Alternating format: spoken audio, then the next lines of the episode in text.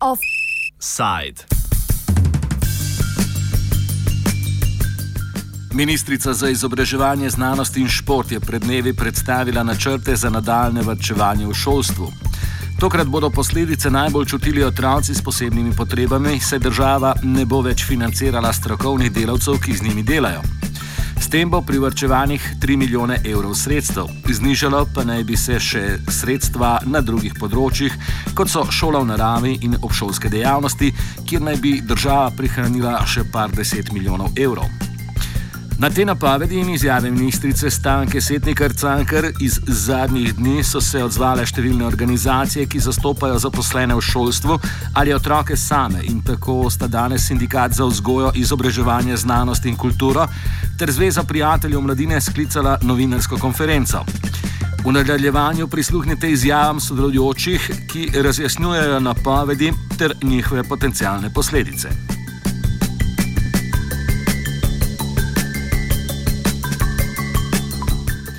Najprej so se sogovorniki osredotočili na spremembo na področju nudenja dodatne pomoči.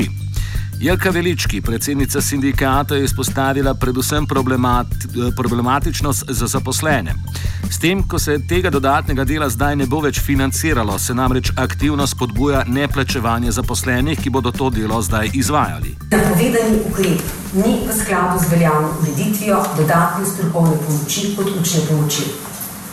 Uh, ta ukrep prav napeljuje ravnatelje, da svojim zaposlenim opravljenega dela ne plačajo. Anita Ogolini iz Zveze prijateljev mladine Moste Polje pravi, da je največja sprememba ravno prenos to vrstnega dela strokovnih delavcev na učitelje, saj se bo s tem ukrepom močno znižala kvaliteta dela.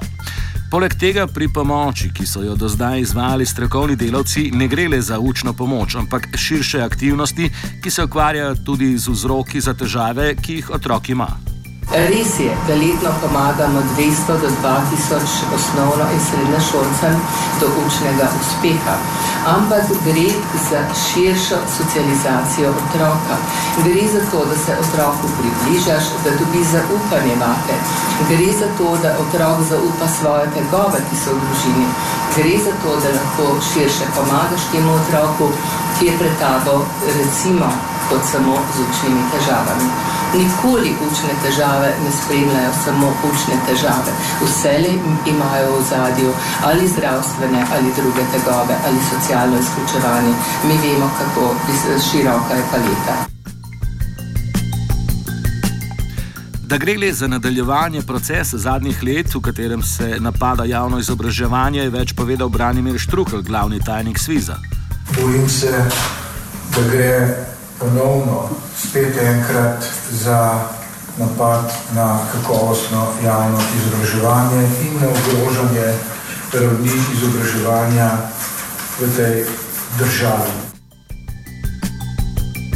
Poleg tega Štrukel izpostavi, da gre pri zdajšnjih ukrepih očitno za nadomeščanje financ, ki si jih, vlada, pardon, ki si jih vlada ni zagotovila v pogajanjih s sindikati.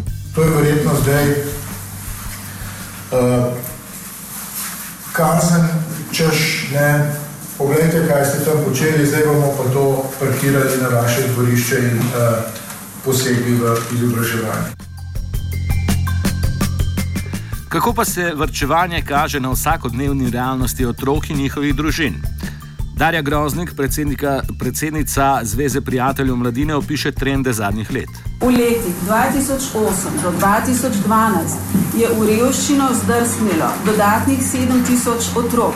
Tudi to so znani podatki, tako ugotavlja UNICEF.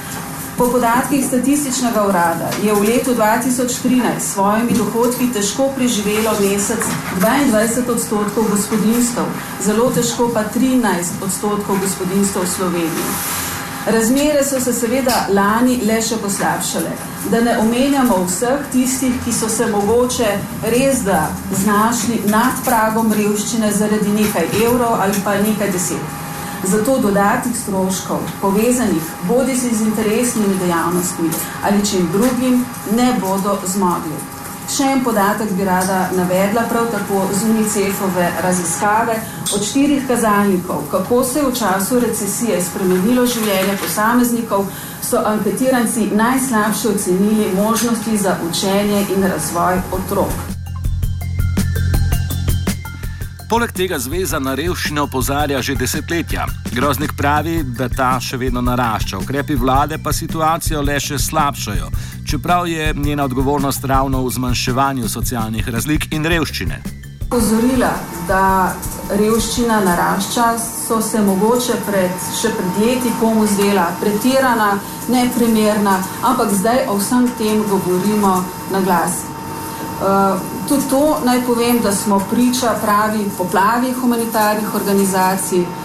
Seveda prav je, da te uh, ne humanitarnih organizacij, ampak humanitarnih akcij, seveda prav je, da te humanitarne akcije obstajajo, tudi Zveza prijateljev mladine Slovenije pomaga, kolikor lahko z različnimi akcijami. In vse čas seveda živimo v upanju, da se bo to spremenilo, da vendarle bo nekdo v tej državi spoznal, da je treba očuvati otroke, ampak žal uh, delamo nekaj, kar bi morala delati država. Na dejstvo, da gre za rezanje aktivnosti, za katere je primarno odgovorna država, je opozoril tudi Štrukel. Mi v smislu izobraževanja, javno izobraževanje razumemo kot skupno javno dobro, za katerega je v celoti odgovorna država, Republika Slovenija. In njena dožnost je, da zagotavlja ljudem, ki živijo v tej državi, kakovostno izobraževanje, ne da ga uničuje.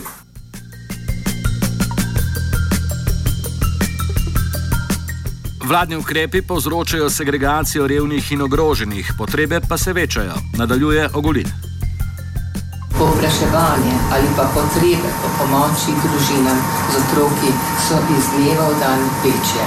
Pritiski staršev in otrok iz dneva v dan hujši in obupnejši. Ukrepi, ki jih je pa prvošla ta trenutek, naša država so pa res destruktivni. Breda Krašna, generalna sekretarka zveze, pove, da tokratno vrčevanje ni edino, ki negativno vpliva na situacijo otrok. Poteka namreč na različnih področjih, med drugim tudi pri sredstvih za zdravstvena letovanja.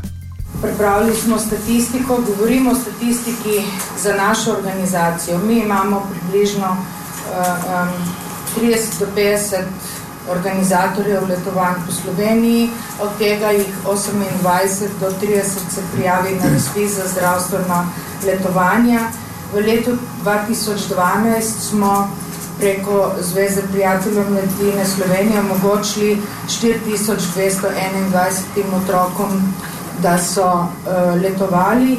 V letu 2014 je bilo to um, 3163, se pravi, da je kar 1100 otrok manj šlo preko zdravstvenih letovanj na, počit, na uh, počitnice poleti. Uh, zanimivo je tudi uh, Zanimiva so tudi razpisana sredstva, ki jih zagotavlja zdravstvena zavarovalnica v okviru svoje dejavnosti. E, samo podatek leta e, 2012 je bilo razpisanih 2 milijona in 91 tisoč v namen zdravstvenega letovanja, za leto 2015 je namenjenih milijon 661 tisoč, kar pomeni, da je upad cirka ena četrtina manj sredstev namenjenih za eh, zdravstveno letovanje za otroke. Se pravi, ugotavljamo, ko, ko poskušamo združiti vse ta vrčevanja na vseh področjih, ugotavljamo, da eh, se zelo, zelo veliko vrčuje ravno na populaciji, ki si to najmanj zasluži. Glede na katastrofalne napovedi, kakšni bodo naslednji koraki, Štrukel pravi, da se bodo poslužili vseh razpoložljivih sredstev. Mi bomo storili vse, kar je v naši moči, da bomo to kakovost javnega izobraževanja zaščitili. Učiteljstvo, ki je organizirano in vsi drugi zaposleni v Svizu, bomo začeli najprej z pozivanjem in zbiranjem podpisov v imenu vseh nas, staršev, učiteljev, državljanov in državljank, da se postavijo proti temu radikalnemu izobraževanju. Dostojno, končali bomo pa pred vlado Republike Slovenije, če bo potrebno. Za konec še opozorilo Anite Ogulin glede diskurza, ki prevladuje v omejevanju dostopa prebivalstva do socialnih storitev. Uporaba mita, da prihaja do številnih izkoriščanj sistema, je namreč nevarno in dokazano škodljiva. Mi smo tudi govorili, oziroma govorili so strokovnjaki, da so ZUS spremenili zato, ker je bilo preveč tistih, ki so se recimo pasli na račun države in smo strahovito poglobili revščino, s premembami socialne zakonodaje.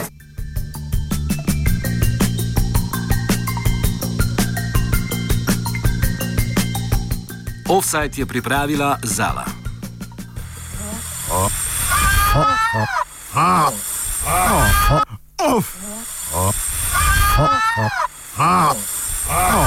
Offside.